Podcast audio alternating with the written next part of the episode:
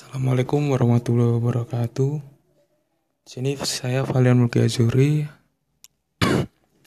akan menyampaikan uh, informasi selama masa pandemi. Hampir semua negara-negara di dunia menghadapi ancaman virus yang sangat mengancam keberlangsungan hidup manusia saat ini. Kondisi ini membuat semua sektor tatanan kehidupan masyarakat suatu bangsa menjadi tidak menentu.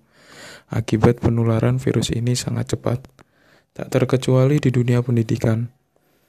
Hampir seluruh kampus di dunia tidak bisa menjalankan aktivitas perkuliahan seperti biasa.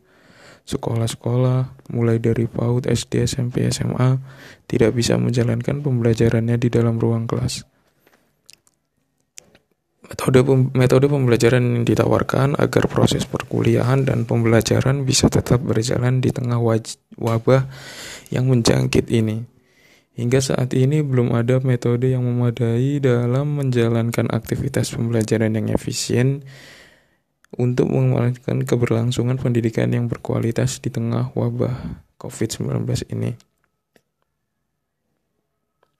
Sudah hampir tiga bulan para siswa-siswi belajar secara daring atau online. Barangkali untuk para guru dan siswa di perkotaan tidak terlalu banyak mengalami kendala dalam menerapkan proses kegiatan belajar mengajar melalui daring online. Namun bagi sekolah yang berada di pelosok-pelosok desa kegi. Tentu kegiatan belajar mengajar daring ini banyak kendala terutama akses internet dan fasilitas pembelajaran lainnya.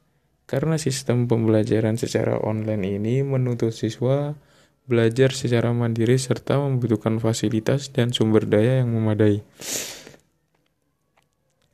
Tidak sedikit sekolah yang bisa menjalankan metode pembelajaran jarak jauh ada banyak sekolah yang meliburkan proses pembelajaran selama wabah COVID-19 ini.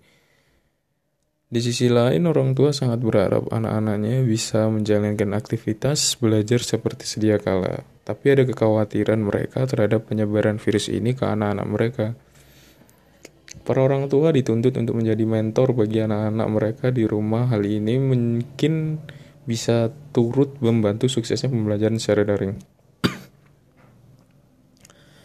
Namun persoalannya memang tidak semua orang tua punya kapasitas dan waktu untuk membantu anak-anaknya belajar entah apa yang akan terjadi nanti terhadap pendidikan kita. Pemerintah dituntut untuk bisa mencari formula bagaimana dunia pendidikan kita bisa berjalan dengan baik. Memang proses pembelajaran PJJ, pembelajaran jarak jauh, bisa menjadi solusi meskipun masih dipandang kurang efektif dan ada konsekuensinya bagi orang tua yang berpenghasilan menengah ke bawah karena harus didukung dengan fasilitas misal handphone Android atau laptop. Belum lagi harus mengeluarkan biaya akses internet, status kuota internet harus dipertimbangkan. Belum lagi daerah-daerah yang akses internetnya belum terjangkau. Tentu ada ketimpangan antara sekolah yang berada di perkotaan dan di daerah pedesaan. Ada daerah yang tidak memiliki akses internet sama sekali. Ini semua juga harus menjadi pertimbangan yang mesti diperhatikan oleh pemerintah.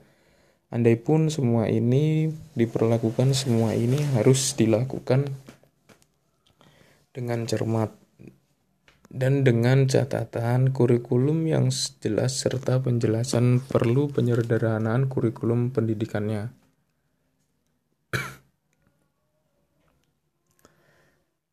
Sebenarnya guru lebih cenderung mengajar bertatap muka daripada secara daring karena kebiasaan selama ini mereka lakukan belajar dengan tatap muka baik di kelas maupun di ruang kelas. Sangat tidak mungkin institusi pendidikan bisa menciptakan karakter siswanya jika pembelajaran tidak dengan bertatap muka. Sementara konsep pembelajaran secara daring ini masih dipandang baru oleh para guru. Tentu banyak mengalami kendala terkhususnya bagi sekolah-sekolah yang berada di pelosok. Pembelajaran secara daring atau online ini sangat tidak efektif. Di beberapa daerah, pembelajaran secara daring ini tidak bisa diterapkan sama sekali. Guru menggantikan pembelajaran dengan memberikan tugas kepada siswa per minggunya. Sungguh sesuatu yang berat harus dikerjakan guru karena harus mengantarkan lembaran tugas ke rumah siswanya.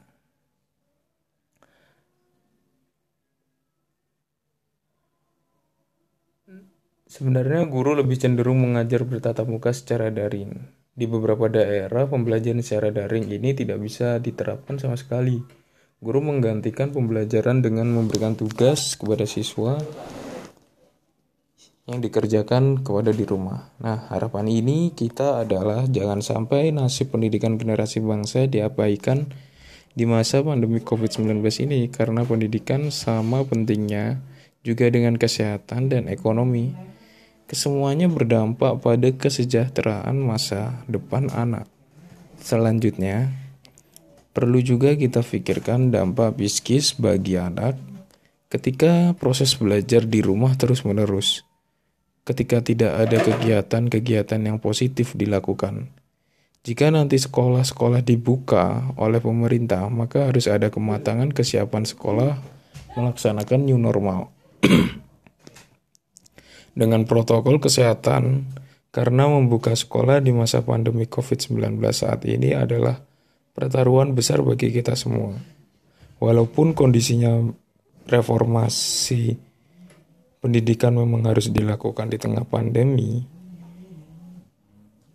karena ini menyangkut persoalan kualitas pendidikan serta hak untuk mendapatkan pendidikan yang layak bagi anak bangsa, sebagaimana telah dimandatkan dalam Undang-Undang 1945. Semoga COVID ini secepatnya bisa teratasi oleh bangsa kita. Sekian podcast dari saya. Terima kasih.